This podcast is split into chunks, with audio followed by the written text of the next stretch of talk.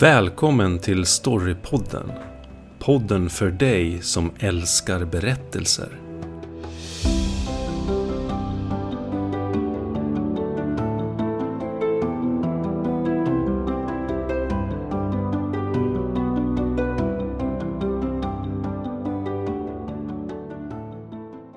Och idag är ämnet bra filmslut. Vi älskar film, vi är besatta av film Eh, och vi älskar självklart filmer som slutar på det där spännande, magiska, överraskande, otroligt häftiga och känslosamma sättet. Och vi har listat några sådana idag. Eh, tio stycken. Det kommer bli en lista som är ganska godtycklig. Ni kommer känna igen massa saker. Eh, vissa grejer kanske är lite nya.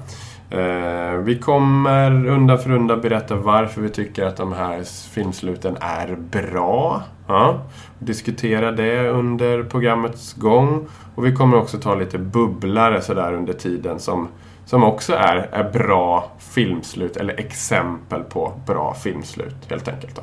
Och vi vill varna för spoilers, så ni vet det. Ni som inte vill ha spoilers på filmslut bör sluta lyssna nu. Men ni som vill, eh, ni sitter med oss och vi eh, kör igång. Eh, Rickard, vad är eh, filmslut nummer ett? Det är Apocalypto, tycker jag har ett väldigt bra slut. Det är en film från 2007 av Mel Gibson i regi och ett manus av Mel Gibson och Farhad Safinia.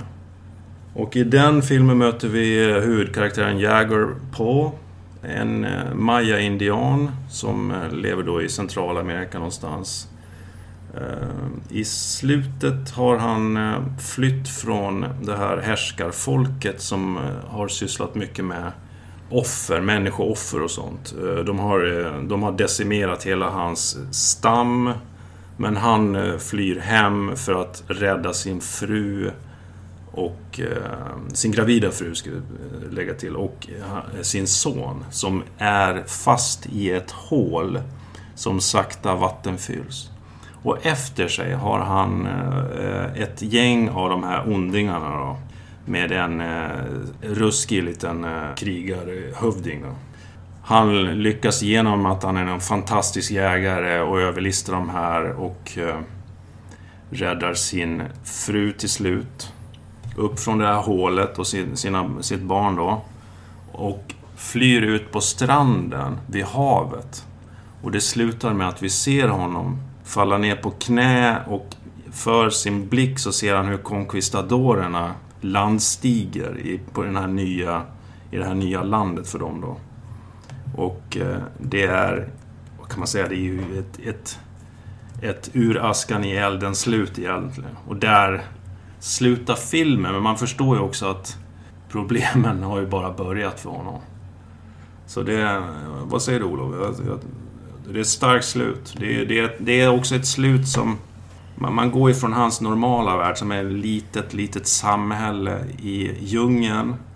Så öppnas upp, världen öppnas upp i och med det här andra härskarfolket som rövar, rövar dem iväg och för dem till det här offertempelområdet. Fullt i olika folkslag där, som man förstår. Och, eh, men sen i slutet öppnar det upp ännu mer. Då får man hela den här nästan globala synen på berättelsen. Och det, det är snyggt tycker jag. Det är snyggt. Ja, det är ju ett slut som är, actionfyllt. Det är ju mm. liksom mm. en tidspress hela tiden i den här filmen. Den liksom springer nästan fram den här filmen. Och har otroligt ja, tempo. Ehm, och eh, allt händer en och samma gång där på något sätt i slutet. Liksom att han både ska få upp fru och barn från hålet. De håller på och drunknar och så kommer krigarna och det kommer den här fällan för djur som vi har sett inledningsvis i filmen som helt plötsligt mm. Mm. poppar upp och liksom sätter dit skurken och, och, och liksom liksom gör slut på, på, på, på konflikten och, och, och, actionen på något sätt. Och, och liksom den utmynnar i att, att de måste vidare, precis som du säger, till stranden. Och, mm. och sen det här nya, det här gåtfulla skeppet med de spanjorerna, de koloniala trupperna som landstiger och, och det blir också en slags ny tematik där, alltså, som tar ytterligare ett steg. Det här med liksom erövring och krig och konflikter mm. liksom, som är det, det liksom bakomliggande temat genom hela, hela historien. Att här är det konflikter och det är erövringar och det är förtryck med folkgrupper i Centralamerika och sen blir liksom nästa steg att ah, jo, nu kommer konflikten har bara börjat. Liksom. Det, värre, ja, det kommer ännu värre. Liksom. Ja, snart kommer liksom alla vara kuvade där helt enkelt. Och, och mm. Det gör ju också liksom att poletten kanske trillar ner för, för alla oss att liksom förstå historien och, och mm. det stora runt omkring och, och människan i, i de här otroligt stora processerna och strukturerna och kolon, kolonialism och erövringar som liksom har pågått i, så, så lång tid. Liksom. Det är en liten David och Goliat-berättelse mm. egentligen. Det är ju klassisk så. Men också då självklart ändå liksom att det är ju det är lite av ett heroiskt slut ändå i och med att den mm. gode, den vi tror på, liksom till slut då räddar frun och familjen och, och, och eh, slår eller besegrar ja. skurken ja. Liksom, på något sätt. Mm. Nästa film som jag tänkte ta upp eh, är eh, en film från 1991. Eh, baseras på en roman av Thomas Harris. Manus av Ted Talley och regi av Jonathan Demme. Det är ju självklart När lammen tystnar. Med Jodie Foster som FBI-aspiranten Clarice Starling och Anthony Hopkins som Hannibal Lecter. Och genom historien har vi då sett hur FBI-aspiranten Clarice Starling då har fått i uppdrag att intervjua eh, Hannibal Lecter, seriemördaren, psykologen, i den cell han sitter i ett eh, fängelse i eh, Baltimore. Hon intervjuar den här seriemördaren för att de ska försöka få fram information som då kan användas för att möjligen få tag på en annan seriemördare som är fri och härjar runt omkring som heter Buffalo Bill och som flår unga kvinnor på ett bestialiskt sätt. Då. Och eh, säga ska också att Hannibal Lecter i sig är eh, liksom kuvad eller hånad när han sitter i sin cell av fängelsedirektören Dr. Shilton. Och efter en eh, thriller och eh, seriemördar psykologisk historia så eh, är ju slutet då att självklart att Clarice Starling lyckas få tag på Buffalo Bill men att också i samma veva så lyckas Hannibal Lecter fly. Och i de absoluta slutscenerna så ser vi då hur Clarice Starling firas. Eh. Hon eh, blir ny utexaminerad FBI-agent. Det är pompa och ståt och det är mingel och det är drinkar och så vidare. Och då ringer telefonen. Mm. Och hon går och eh, svarar telefonen. Hon är glad men helt plötsligt blir hennes ansikte kritvitt. För på andra sidan luren är ju självklart Hannibal Lecter. Mm. Och han säger till henne att han gratulerar henne och och eh, hon behöver inte vara orolig nu för honom. För just nu så kommer han inte komma efter henne. Eh, men hon får väl se vad som händer. Och hon frågar mer om vad han gör, vad, vad håller han på med. Och då säger han helt enkelt I'm having an old friend for dinner. Och då ser vi hur han blickar ut då från telefonen där han står i en, vid en gata i ett kvarter i en stad i Karibien. Och en bit bort i folksamlingen så ser han just Dr. Shilton. Då. Och för, då förstår vi att han ska ju inte bara bjuda honom på middag utan att Dr. Shilton är middagen helt enkelt. Då. Sen släpper Hannibal Lecter telefonluren och går iväg som en katt bland de här äh, folken som sakta går ner ut med gatan. Och samtidigt hör vi då Clarice Starlings upprepande fråga eka vidare. Dr. Lecter, Dr. Lecter, Dr. Lecter. Och sen går kameran upp och han försvinner i folkmassan borta. Ja, det är episkt.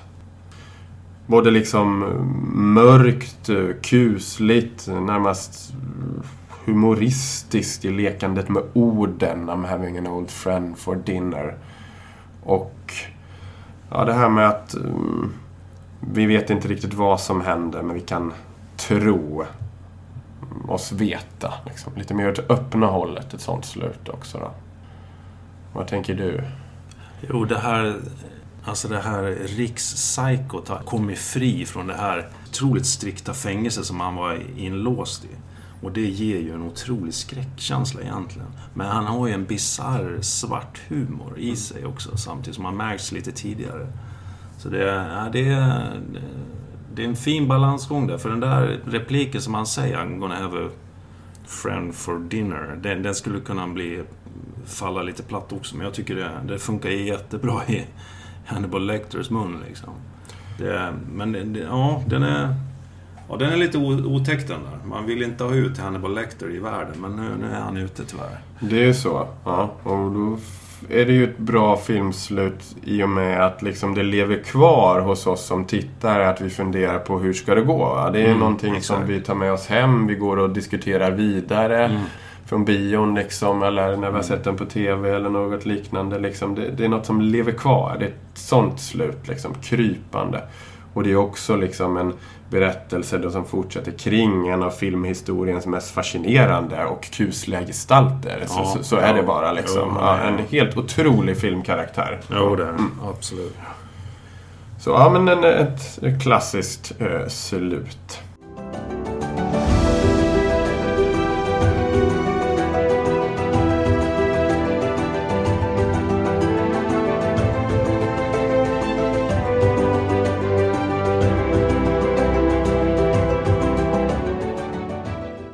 Har tittat lite på nästa film här som jag tänkte på. En film från 96 av regi av Niklas Winding Refn. Och han har även skrivit den tillsammans med Jens Dahl. Jag tänker då på Pusher. En dansk eh, film eh, om eh, en knarklangare i, i Köpenhamn som ska göra en stor affär. Det är bara att han han har inte betalat för den här, de här drogerna han har och blir tillfångatagen av polisen. Då. Och sen eh, resten av filmen är en total orgie av stress när han försöker få in pengar liksom på olika sätt. Och, och liksom klockan tickar för den här, den här Milo som är den här hänsynslösa bossen vill, vill liksom... Han ska ju ha sina pengar liksom. Så, så i slutet då eh, får man ju se Frank då som han heter, den här eh, dealern. Han, han har ju fått tag i pengar till slut och eh, bara bestämt sig att han, nej, men han ska inte betala tillbaka till Milo. Han är lite girig. Han är girig liksom. Så han, han och hans tjej Viktor, de ska, de ska ta pengarna och dra utomlands. Men i sista stunden så ändrar sig Frank och ja, men då vill han ju betala tillbaka till Milo ändå och få få bort den här stressen från ryggen liksom. Men då snor hans tjej pengarna och, och sticker och han får inte tag på henne. Så i slutet då kutar han upp helt andfådd, kollar, stirrar sig omkring och man förstår att nu är Milos män ute efter honom. Det slutar där. Alltså man, man, man får inte se något mer än så. Och det, det är ett bevis egentligen på ett öppet slut. Så att det, det ger... Eh, det är också ett ganska skönt slut för man får, man får skapa sina egna uppfattningar om vad som egentligen kommer hända med Frank. Liksom. Hej Franke, eh, det är kört. Va? Och det man förstår att det är kört för honom. Men eh, jag, jag gillar det slutet. Det påminner lite om eh, sådana här öppna slut som eh, till exempel Funny Games, en film av eh, Mikael Haneke. Eh, en tysk film i original. Sen gjorde de en, en amerikansk version av den för amerikanska publiken. Då, med Naomi Watts, tror jag, bland annat. Men de ska vara nästan identiska, det är bara att det är olika språk på dem. Men där har det också ett öppet slut, att man, det, det slutar med att man förstår att det, det bara fortsätter. Det är ingenting egentligen som har kommit till sin... Till sin alltså det är ingenting som har avklarats egentligen, utan det bara fortsätter så. Det, det är snyggt, jag gillar det. Det, det, det, skapar... Man får igång sin egen fantasi som tittare då, tycker jag. Det är inget tillrättalagt. Men ändå förstår man att hotet finns där liksom. Så vad säger du om Pusher? Jo, nej men det är som du är inne på. Det är otroligt eh, starkt där och, och det är också...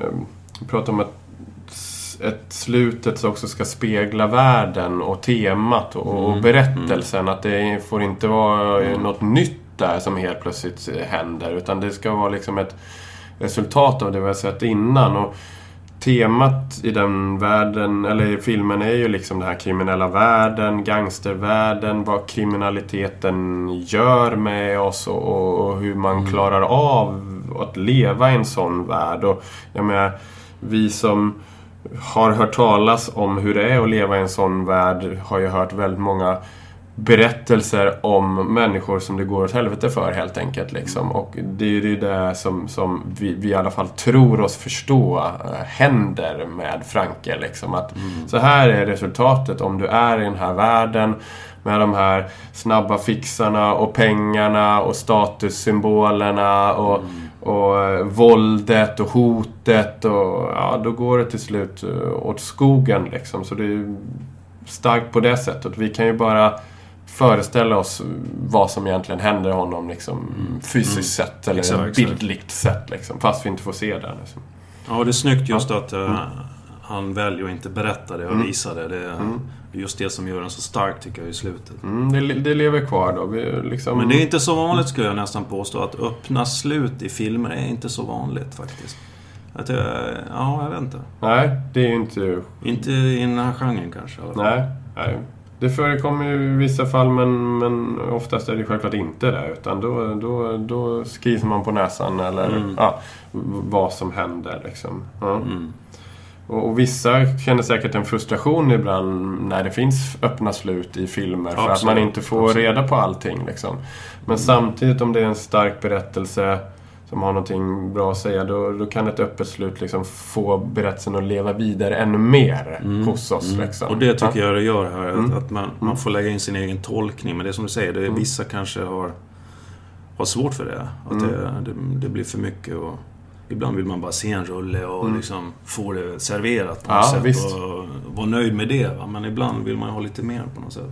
Men Pusher är ju absolut värd att se. Det finns ju andra gåtfulla historier där. Du har ju Shining där som är en av dina favoriter. Ja, Mm. absolut. Den eh, kanske inte riktigt har ett öppet slut. Ja, man skulle nog kunna se det riktigt så. Han, Lite Jack gåtfullt. Torrance som Mm. spelas av Jack Nicholson, en av mina favoritskådisar också. Han, han eh, har ju blivit helt galen på grund av det här huset som är eh, hemsökt på något sätt. Huset har ett eget liv. Overlook Hotel. Overlook Hotel, ja precis, i The Shining. Och eh, jagar sin son som är synsk och egentligen motarbetar det hotellet då, som man förstår. Och jagar honom ut i den här labyrinten eh, i, som är gjord av, i, på vintern, den här häcklabyrinten. Och eh, går väl bort sig där på något sätt och liksom somnar eller liksom faller ihop i någon snödriva och man förstår att han, han dör ju liksom. Och så klarar sig sonen och eh, modern. De tar sig därifrån. Liksom. Det skulle man kanske kunna se som ett... Men jag tänker liksom på den här bilden som man får se i slutet. Ett fotografi då som Ja, visar... just, just. Som visar liksom eh, hotellpersonalen Mm. samlad liksom.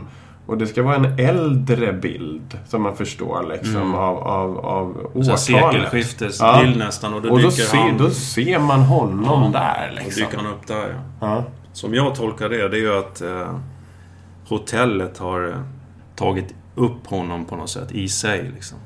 Det här hotellet, vad det nu är. Liksom. Ja. Har en egen själ på En något egen sätt. själ. Ja. Något, Ja. någon slags parasit. Ja, en något väsen liksom. Parasit som man suger in alla där och gör dem Ja. galna och Ja. som tar dem över dem liksom. Ja.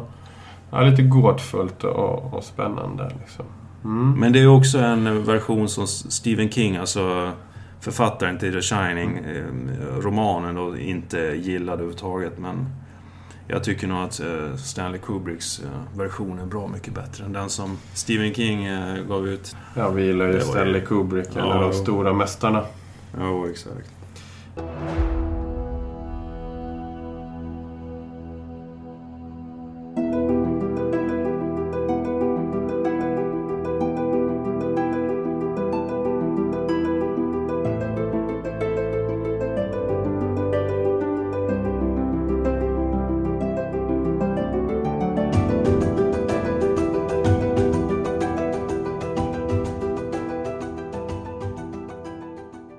En annan mästare eh, gjorde den filmen som jag tänkte ta upp nu från 1972. Eh, Baserades också på en roman om Mario Puzo.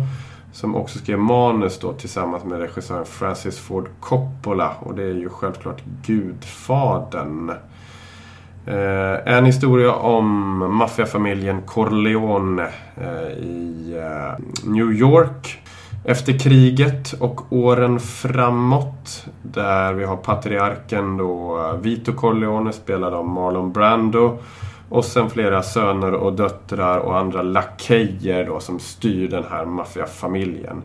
Från början är den yngsta sonen Michael inte involverad i maffiafamiljen verksamhet utan kommer till ett bröllop då med sin eh, eh, tjej, sin eh, flickvän Kay och berättar då för henne att det där är min familj Kay, inte jag va, som håller på med de här maffiaverksamheten. Då. Undan för undan så kommer dock Michael mer in i maffiaverksamheten, sakta men säkert. Eh, pappan försvinner iväg, brorsan försvinner iväg och till sist är det han själv då som, som tar över liksom tronen och makten och eh, gangsterverksamheten och våldsutövandet. Och i ett actionklimax så likvideras alla de övriga överhuvudena för de andra rivaliserande eh, gangsterfamiljerna. Och i slutscenen så får vi se hur hejdukarna, de precis under Eh, Michael då i en scen i ett rum tar hans hand och kysser honom och kallar honom för Godfather då. Och visar att han nu då har tagit över makten och blivit sin pappa på något sätt och blivit det som han sa att han inte skulle bli till Kay då. Men hon ser denna ritual från ett annat rum. Ja, och blir förundrad och bekymrad och närmast förskräckt. Och framförallt blir hon där när hon ser att Al Neri, Michaels livvakt och lönnmördare av rang också, kommer fram mot dörren, puttar på den och hur den då slår igen mitt i hennes ansikte. Och sen tar filmen slut. Hon blir utestängd. Ehm, hon skiljs från sin man. Ehm, han har blivit den nya maffiaikonen hon står kvar med all förskräckelse inför det här faktumet. Och det är just det bildmässiga, det poetiska, det filmiska, det tekniska i den här dörren som slås igen är också klassisk filmhistoria. Liksom. Också en symbol för att han tar avstånd från kärleken och familjen. Han lyssnar inte längre på den. Han måste vara boss nu. Det, där det, är, det är starkt. Ja, han har valt den banan då och mm. den historien då fortsätter på sånt sätt då i, i eh, nästa film helt enkelt. Nej, men det är oerhört stark och liksom just det här filmtekniska, poetiska med dörren och rummen. Liksom, att man använder bildspråket liksom, eh, gestaltandet för att skapa mm. den effekten är ju mm. otroligt snygg skulle jag vilja säga. Verkligen. Mm. Eh, poetiskt lite slut och bildslut liksom. Bildmässiga. Bildspråket talar ganska mycket. Finns också i Ingmar Bergmans Sjunde inseglet också, en sån här klassiker. Då döden då, som har kommit till Sverige under digerdöden på 1300-talet i slutet och tar med sig alla de som han har sökt upp. Ja, i en stor dans uppför en kulle. Ja. En ringdans i ett led. Får alla liksom hemsökta själar följa efter liemannen, döden liksom. Likt en kyrkomålning från medeltiden då. Också så här ikoniska bilder då som verkligen lever kvar på ett starkt sätt. Eh, nästa film då som eh, jag tänkte är Thelma and Louise från 1991. Eh, Ridley Scott regisserade den och den skrevs av Kalle Corrie. En klassisk road movie egentligen med två kvinnor. Men något helt annat nu än, än Gudfadern och den släktkrönikan. Men det här handlar om två kvinnor som är lite ja, vad ska man säga? De, de är ju lite i clinch med, med den manliga världen. Så hela tiden eh, Eh, dåliga män i deras eh, i närhet. De har någon kassa pojkvänner, män och eh, någon slags arbetsgivare som är ett svin och lite tafsiga män lite här och där. Och en av eh, kvinnorna, jag tror det är Louise, eh, blir utsatt för ett våldtäktsförsök där mannen då blir skjuten. De drivs på flykt från polisen och i slutet, Eh, efter den här galna roadmovien och massa som har hänt, hur de liksom utmanar den här mansvärlden står någonstans i USA vid en ravin och poliser bara väller in mot dem. Och så sitter de där och tittar på varann och så eh, kör de gasen i botten ut över ravinens kant. Och så slutar den. Ett ganska drastiskt slut om vi säger så, men samtidigt en väldigt kritisk hållning till mansvärlden, skulle jag säga. Den, den var ju lite föregångare. När den kom 91 var det ju mycket rabalder kring den här filmen. För det, den var ju lite föregångare till eh, sådana sådana filmer som Basse den här franska filmen som... Där två kvinnor våldtog en man och jag tror han, de hade ihjäl honom till slut också. Och eh, jag tror att det drev på lite av den här... Också att, att kvinnor kan vara huvudrollsinnehavare i Hollywood. Så jag tror att Thelma Louise eh, bidrog mycket till det. Ja, nej, men en, en starkt, ett starkt slut på en... Eh, och drastiskt slut, ska jag säga. Ja, och liksom mörkt slut. För mörkt, det, absolut. Det är inte så att de, de här det slutar ingen bra Hjältinnorna liksom besegrar alla männen och, och går fria därifrån i solnedgången. Utan här är världen runt omkring det brutala patriarkatet som liksom det går inte att, att, att värja sig ifrån. Som, som man väljer den här mm. lösningen som är hos dem under stunden ganska frihetstörstande. Det liksom blir verkligen, som ett verkligen. språng iväg för, för livet egentligen. Fast det leder till döden. Men, men eh, ja, den är ju liksom brutal på så sätt också. Som du säger, en föregångare sin tid. Jag menar, det här är ändå långt före metoo-rörelsen. Mm, mm. Och, och den var banbrytande och gav utlopp för massa diskussioner och liksom banade väg för bra diskussioner och i alla fall en bättre värld ur den synvinkel att sakta men säkert började hända någonting när det gäller det, det kvinnoförtryck mm. som, som har funnits i vår värld och fortfarande finns idag. Liksom. Mm. Så, så äh, ikoniskt äh, på det sättet och, och speciellt.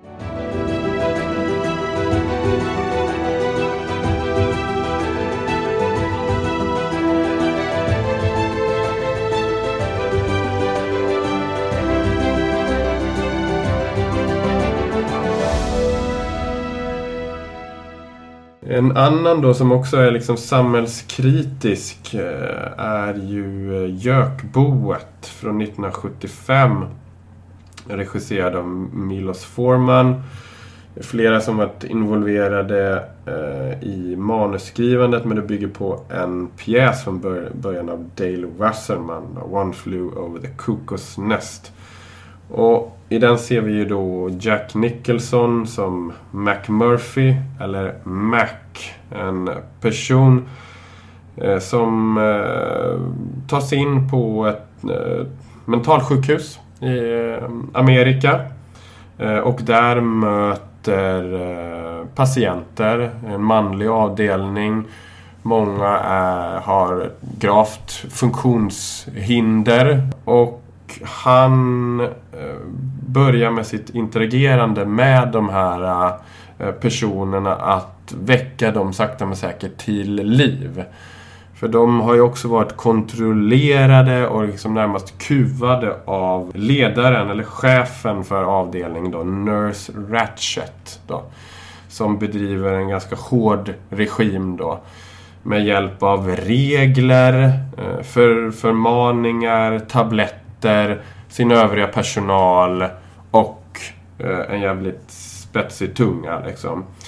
Och, och, den sätter han sig emot, va? McMurphy. Ja. Och i slutet så, efter ett stort rabalder och konflikter och en patient som håller på att ta självmord så kastar sig eh, McMurphy på Nurse Ratchet och håller på att strypa henne men han tas då om hand av personalen och genomgår då eh, elektriska chocker och lobotomi tror jag till och med då. Så att han blir då närmast eh, en helt annan människa. Han slås ut totalt. Och i slutscenen så kommer han under natten eller den sena kvällen tillbaka in på avdelningen. Helt borta, liggande i sin säng.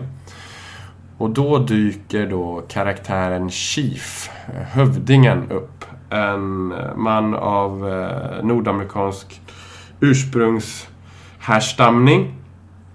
Och eh, Chief eh, försöker prata med McMurphy men märker ju då att han eh, inte är mottaglig för detta. Och i ursinne över det som har hänt så tar han med sina fulla krafter eh, tag i en eh, handfat och drar upp det ur golvet och slänger det genom gallerfönstret och kastar sig ut till friheten.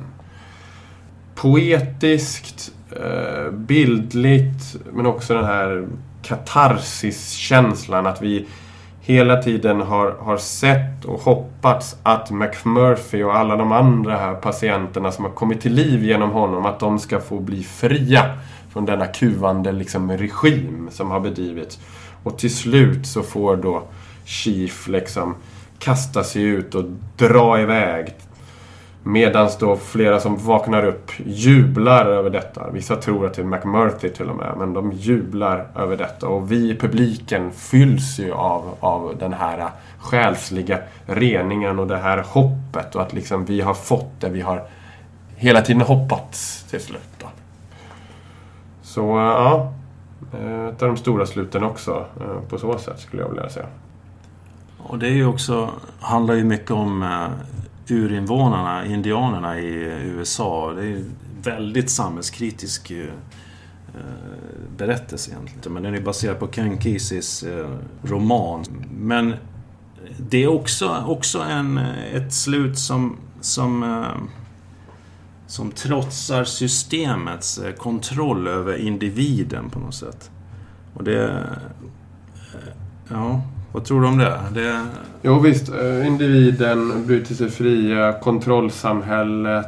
För det handlar ju mycket om, eh, alltså, eh, om vi säger så här.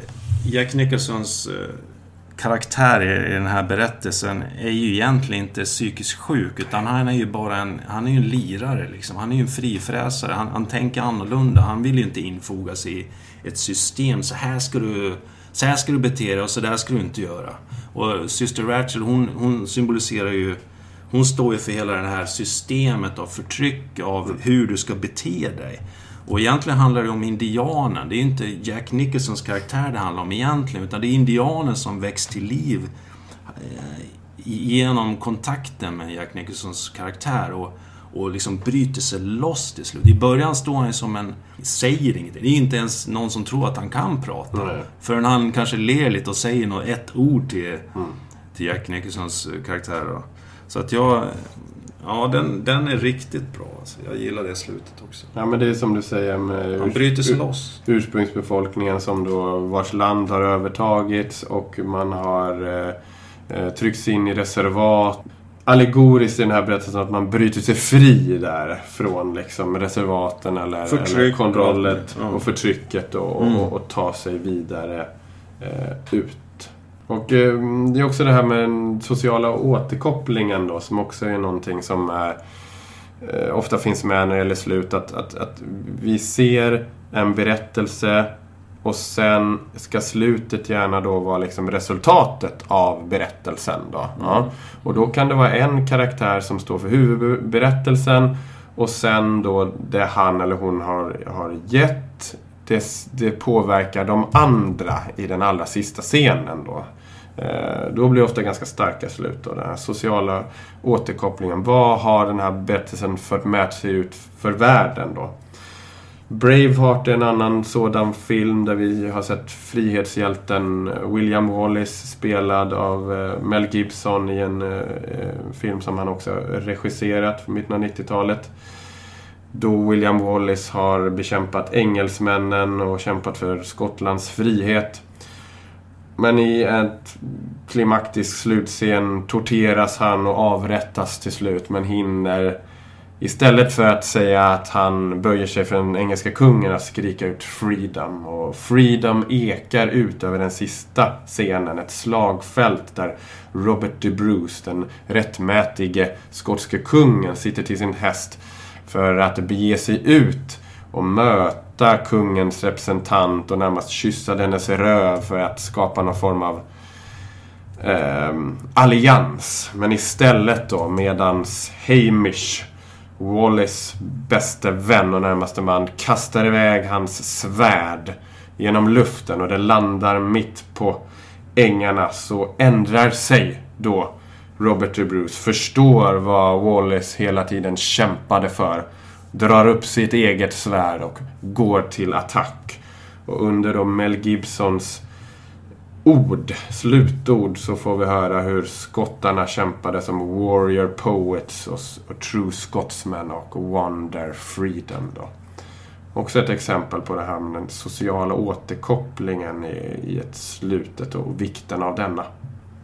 En helt annan film som jag tänker på det är en film från 66 i regi av Sergio Leone och som också har skrivit den tillsammans med bland annat Luciano Vincenzoni. Nu är inte jag bra på italienska så, men klassisk spaghetti-western. Jag tänker naturligtvis på Den gode, den onde och den fule. Med eh, bland annat Clint Eastwood och eh, Lee Van Cleef.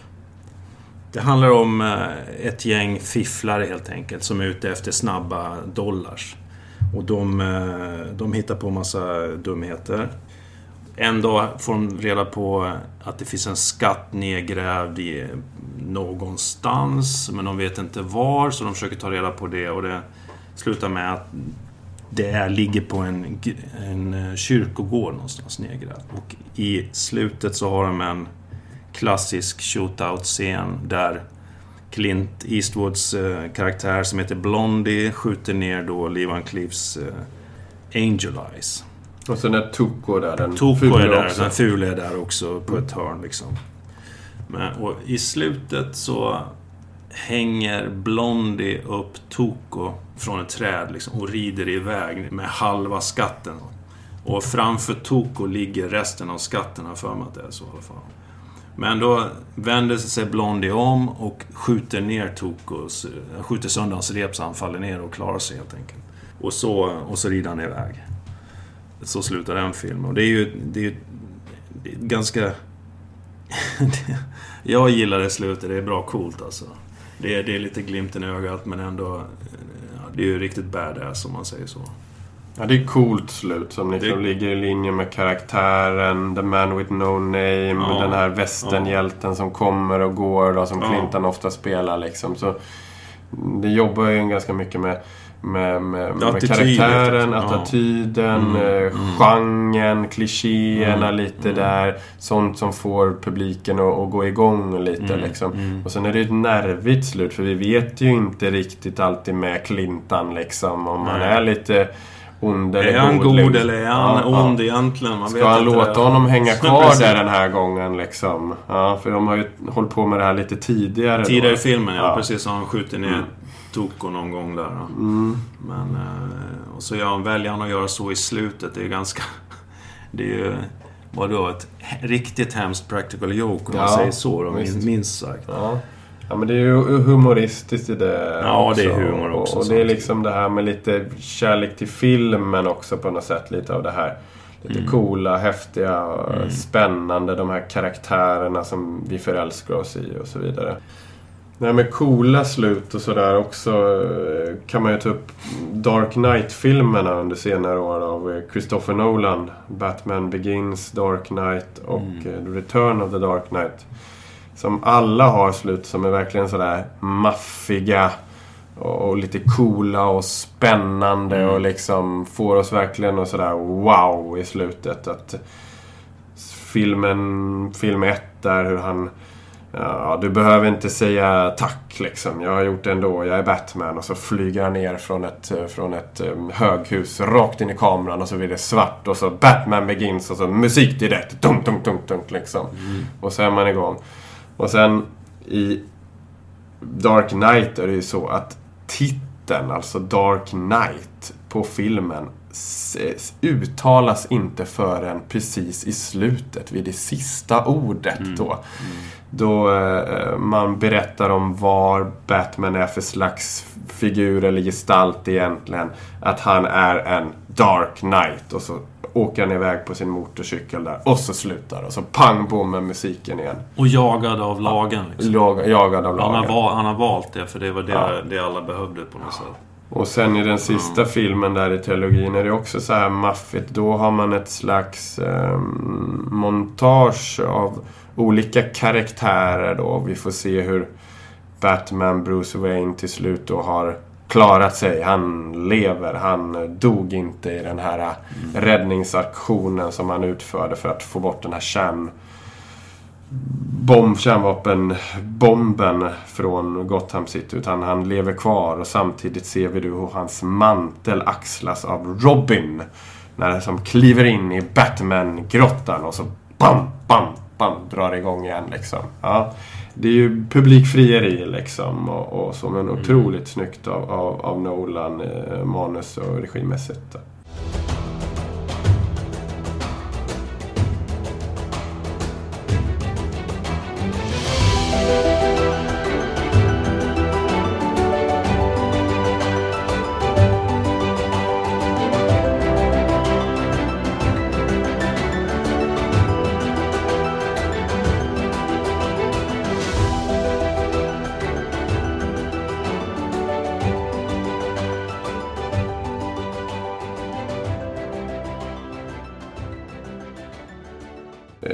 avslutningsfilmerna är svårt att, att, att rangordna sådär när det gäller eh, vilket som är bäst slut. Vi har egentligen inte tänkt att vi ska göra det men de här slutfilmerna, tre stycken, har ju otroligt maffiga slut som brukar förekomma på andra listor också då. Och eh, Seven från 1995 regi av David Fincher och med manus av Andrew Kevin Walker har ju verkligen ett sådant slut då. Eh, detektiverna, poliserna Mills och Somerset, spelade av Brad Pitt och Morgan Freeman, har tagit seriemördaren John Doe för att han ska presentera de sista två mordfallen, mordoffren i den här serien av sju mordfall. Sju mord och dåd baserade på de sju dödssynderna som han genom hela filmen då har byggt upp närmast litet bestialiskt konstverk. Ja? Där han då som en fruktansvärd seriemördare vill liksom diskutera samhället men också på något sätt ja, kommentera det och visa vad han med brottet kan göra. Så de släpps av i ett stort fält och efter ett tag som är det en, eh, en buss, en bil med någon eh, leverans av en kartong. Och den öppnas upp av Somerset. Vi får inte se vad det finns där i, men ser ju hans vita ansikte och han stapplar tillbaka och blir helt paff. Då. Samtidigt så pratar då John Doe, spelar, spelad fascinerande bra av eh, Kevin Spacey eh, med eh, Mills om att han precis tidigare på dagen har testat på att vara en trogen make. Och han har besökt Mills hem och fru. Och det gick inget bra. It didn't work out. So I took a souvenir. Her pretty head. Och det är det som finns då i kartongen och som vi inte ser. Vi förfasas. Man blir närmast chockad. Det blev jag själv när jag såg det här för första gången. Eh, och vi stapplar tillbaka och så gör också Mills. Och han vet inte vad han ska göra. Han har svårt att förstå vad som händer. Men riktar pistolen mot John Doe. Somerset rusar fram. Gör inte det, skjut inte honom, då har han vunnit. Då har skurken vunnit. Det är här han vill att du ska göra. Du vill att han ska skjuta dig, för då blir hans verk fullbordat. Då har han vunnit. Ja. Men till slut i det här tvivlet så får han en flash av fruns ansikte och skjuter John Doe. Och sen går det ganska snabbt till ett klipp av polisbilar, det är mörkt. Polishelikoptrar. Polischefen talar med Somerset. Vad kommer du vara? Ja, ja. I'll be around. I'll be around. Samtidigt ser man hur Mills körs iväg i en polisbil. Och sen hör vi då Somerset, Morgan Freemans...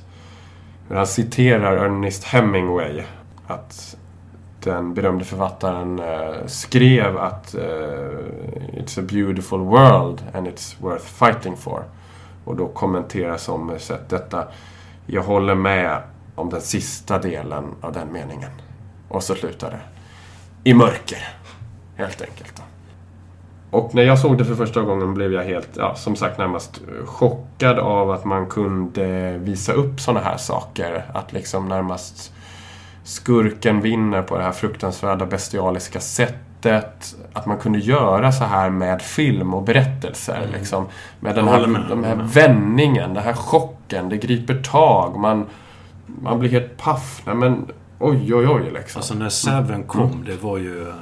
Ja, det var ju stor chock för alla. Mm. Det var ju snack överallt om Seven ett tag. Jag håller med.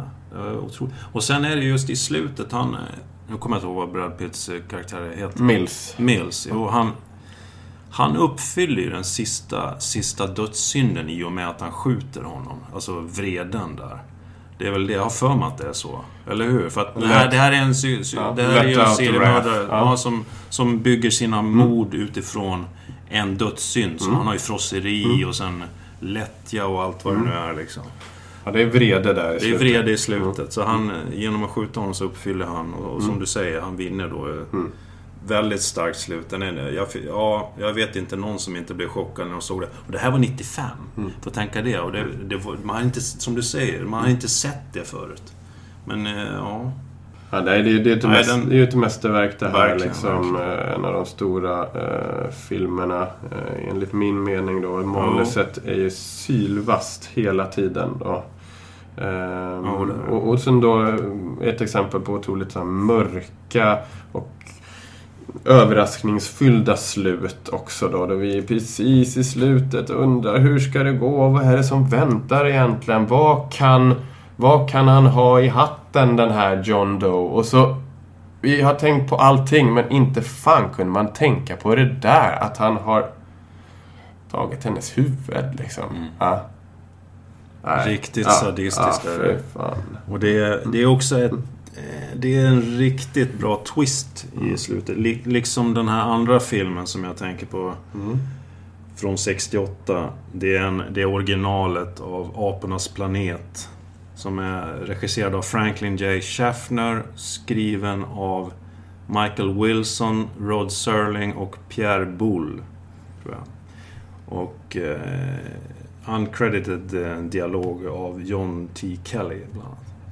Det handlar om Taylor och två andra eh, astronauter som eh, efter en såna, de har varit i sån här kryosömn eller någonting sån här nedfrysta och eh, vaknar upp och märker att de eh, har kraschlandat på en planet. Ganska mycket snart efter det så, så märker de att den är styrd av apor och de, de blir ju tillfångatagna och så.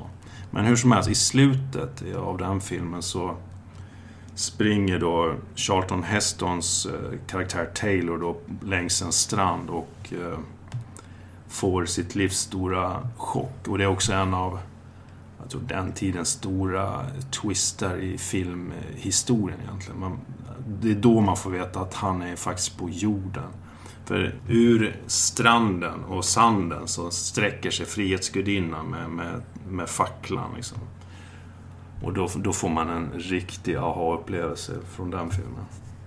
Och det här ledde då till bland annat fyra uppföljare, för mig, av Apornas planet. Man har hela tiden trott att han är på en helt annan ja, planet. Ja, man tror att han är, helt, han är och det är främmande univers. Det är ett mysterium kring människorna där. Hur kommer det sig att aporna styr? Och, men, eh, och det är någon slags arkeologisk utgrävning i en grotta i slutet mm. som sen sprängs bort för att man vill ha bort eh bevisen för mm. att människan har haft en utveckling mm. och liknande. Då, liksom. Och det är det han tror också skriker. Det Damn them all to hell, they blew it away och, mm, och så mm, liksom. Mm. Ett mysterium som får en verklig överraskningseffekt och, och, och svar där i slutet som Mm. ställer liksom allt på ändan på något sätt. Ja. Liksom. Ja. Ja. I de här uppföljarna så pratar man väl om att det har varit någon slags då, eh, kärnvapenkrig som har gjort att människorna har närmast blivit tillintetgjorda och ur den askan har liksom aporna sen stigit och, och tagit över. Mm. Sist på vår liksom huvudlista då eh, är ju en film eh, som också har eh, liknande effekter i slutet. The Usual Suspects. De misstänkta från 1995 i regi av Brian Singer med manus av Christopher McQuarrie. Som handlar om Werbel Kint, spelad av Kevin Spacey. En halt och lytt man som inledningsvis sitter på ett eh, kontor dit Dave Kujan, tullpolisen, kommer för att förhöra honom. Och vi får reda på uh, i tillbakablickar en historia om uh, små brottslingar som har förts samman efter en vittneskonfrontation. De har inlett en uh, brottsturné som har slutat med ett slags actionklimax vid, en, vid ett skepp vid, vid en hamn. Och där har närmast alla av dem, då, förutom Verbal Kint, då, dödats, eh, likviderats. Troligen av en gestalt som såväl Verbal Kint och polisen Dave Kujan tar upp då. Den ökände mystiske Kaiser Sose. Någon form av europeisk, ungersk, turkisk gangster som har begett sig till USA och i fallet med det här skeppet då har tagit sig dit för att mörda eller lik- likvidera den enda personen som någonsin hade sett honom och sett hans ansikte. Då. Mm. Och den här äh, polisen Dave Kujan förhör Verbal Kint och pressar honom och kommer fram med sin teori om att det var en av Verbal Kints då kompanjoner möjligen. En person som heter Keaton som egentligen är den här Kaiser Söze och lyckades få till allt detta. Men till slut så drar Verbal Kint därifrån i, i, i sorg och frustration och, och polisen tror att han har löst fallet. Han sätter sig ner, dricker en kopp kaffe och stirrar på en anslagstavla. Ja, fylld av bilder och text. Och helt plötsligt blir hans blick ännu mer fundersam. Ja, han börjar känna igen saker och ting. Ja, namn, ord, bilder. Som också då fanns med i Verbal Kints berättelse om allt som hade hänt. Ja. En stor marlinfisk refereras till en person som heter Marlin som Verbal Kint ska ha berättat om. Ja. På eh, kaffekoppen står det Kobayashi. Ja, namnet på den advokaten som Verbal Kint började prata om. Ja. Fler och fler liknande referenser och han förstår då till slut medan han tappar kaffekoppen till golvet att Verbal Kint har lurat honom totalt. Då. Samtidigt så ser vi Verbal Kint gå halt och lytt ut med trottoaren. Men sakta men säkert så rätar hans fot ut sig mer och mer och han börjar gå normalt. Han sätter sig i en bil och försvinner iväg. Både vi och David Kujan förstår att det var Verbal Kint som är Kaiser Soze. Och nu är han borta. Igen. Mm. Ja, Det trodde man inte heller. Nej, det var ju, det var ju riktigt bra när den kom. Vilken twist den, den filmen har. Eh, Det var ju alla snackade om den också. Jag tror den kom samma år som Seven va? Var det Mm. så? Ja. Men det, ja. 95 var tydligen ett bra... Ja, det var bra filmår. ja. Bra filmår. Ja, nej men det är sånt som lever kvar och... Och så är väl de vann Oscar också för bästa manus. Bästa manus. Ja. Sånt filmslut som lever kvar va, som säkerligen många manusförfattare idag liksom försöker härma Mm. eller få till en liknande effekt.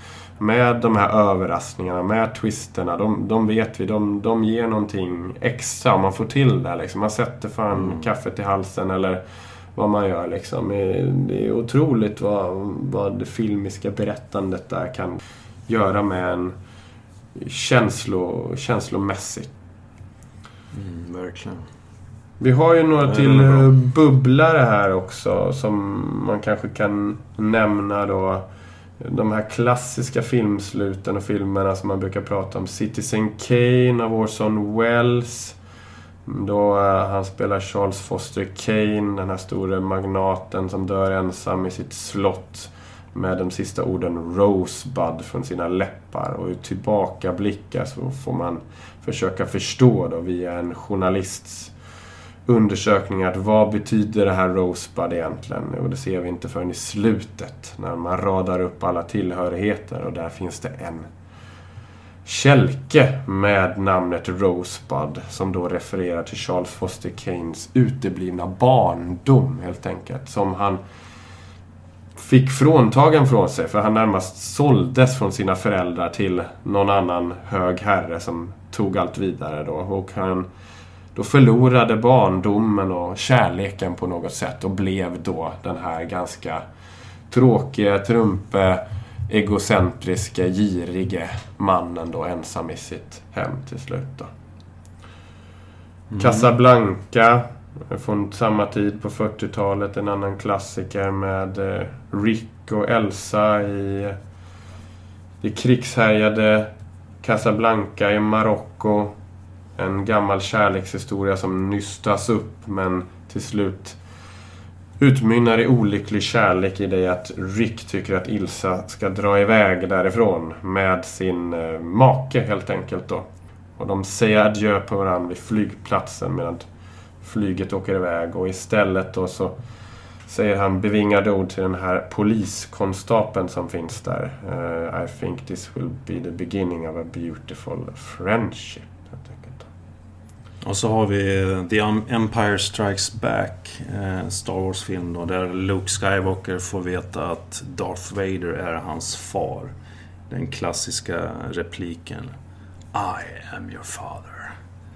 Men det är också inte riktigt slutet där. Det är ju mer... Eh, Action-klimaxet. Ja, klimaxet alltså. Ja. Där. Och sen är det några eh, avslutande scener. Han faller ner genom den här... eh, Ja, Cloud Cities. Kla- och så eh, hänger där och så ja. hämtar de upp honom och de lagar hans hand. Och såna, Och ytterligare någon slags eh, konversation med Darth Vader sådär. Eh, ja, via telepatiskt. kraften, Ja, telepatiskt. ja, och det, ja. Egentligen många scener till där och moraliska dilemman. Så, mm, det är svårt att säga om just det där med I am your father verkligen är slutet. Men eh, ibland har filmer många Ja, slut kan man ja, säga också. Ja, så, så ska man Mm. kunna se det Eh, också. Så är det ja. Och ibland har filmer allt för många slut så att sluten inte blir bra. Nej, nej. I vissa fall så pratar man ju om i manushandböcker, liksom av manusgurus. Då är det ofta så att när du har actionklimaxet, när konflikten, när eh, upplöst, slutar det fort som fan liksom. Mm, Ja, mm. En scen, social återkoppling och sen ska det vara slut Ja. liksom. Ja. Men ibland är det många trådar i många filmer och då är det mycket som ska redas Speciellt upp. också när det är en eh, trilogi. Han hade väl... Eh, ja, nu är det ju... Vad är det? Nio. Men då, då var det i alla fall en trilogi på gång. Det var ju mer att berätta sen som måste knytas ihop på något sätt. Men eh, jag tänkte också på Sagan om de två tornen i slutet med, med Gollum där. När han, eh, han tas över mer och mer av, eh, av Gollum och, och blir... Smigol försvinner liksom, och Gollum eh, tar över och, och eh, smider den här hemska planen att föra Frodo till, till hon. Och man vet inte vem det är. Och det är också snyggt. Väldigt snyggt, väldigt snyggt. Och det är ju också ett öppet slut och det är ett litet cliffhanger-slut för där Ja, är sagan inte klar här. Eller, va, liksom. Så det gör också väldigt mycket att det Åh, vad spännande. Vad är det där? Vad, vad är det som kommer att hända? Då måste man ju se tredje filmen, det är ju Mm. bara så. Och så ser man hur de fortsätter bort mot Ja. Mordor där. Så Sluten är egentligen många. ehm, Och- och de har olika ol- sorters olika sorter liksom. Ja, som finns då. Och självklart är det historierna innan som också då liksom gärna då ger slutet. Självklart då. Ja. Katarsis som vi pratade lite tidigare med, med eh, Jökboet är någonting som som um, Aristoteles själv under sin tid tog upp i sina diskussioner till dramatik. Att ett slut också ska gärna ge någonting då både för, för, för tittaren eller läsaren mm. eller lyssnaren då som har gått igenom den här berättelsen och den här processen för att det ska landa någonting hos honom eller henne. Liksom. En förståelse, en moralitet, en nyvunnen kunskap eller något liknande. Så att man ska gå från föreställningen och, och vara renad i själen helt enkelt. Och det är väl också någonting som som eh, många gärna försöker få in i, i sina slut då, eh, på något sätt. Då. Men som sagt, eh, många är de. Och, man, kan, eh, man, kan också, men man kan också se att ett slut knyter an till tematiken i filmen också. Mm. Ta Pusher till exempel som har ett mer eller mindre öppet slut då. Och den, den, den, den skapar, det slutet skapar ju en, ganska en stor osäkerhet. Mm. Hur ska det gå för Frank? Mm. Mm. Milo och hans hejdukar är efter honom. Mm. Blåslampan i röven, det, han är pressad. Och då, då, det, det knyter ju också an till den, den världen han lever i. Hur, hur ska det gå för en sån person som, som dealar eh, knark liksom i, i undre världen? Där. Och ett slut eh, knyter ofta an till, till tematiken tycker jag och, och förstärker den eller saboterar också. Så, så, det finns ju dåliga slut men vi har många, inte gått in på det nu. Många är de dåliga, många är de dåliga mm. sluten. Mm. Ja. Mm. Men ehm, ja, för att runda av så var det väl här några slut i den här ganska godtyckliga eh, listan. Det finns säkerligen många fler. finns många fler. Och vi kommer säkerligen komma in på de sluten eller andra slags slut då i andra avsnitt av eh, Storypodden. Så mm. Eh, tills att vi ses igen får vi hoppas att eh, ni får en fortsatt trevlig vecka. Ni får gärna kommentera och höra av sig till ja. oss via våra eh, forum på, på nät och webb mm. om era egna favoriter så kan vi diskutera det vidare. Mm. Annars säger vi väl eh, hej då mm. från oss. Hej då, ha det bra. Hej, eh. hej.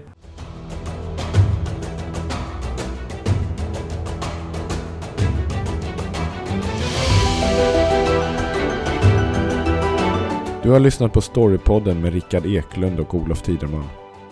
Fler avsnitt, mer info och tips hittar du på www.storypodden.se. Vi finns även på sociala medier i form av Facebook, Twitter och Instagram.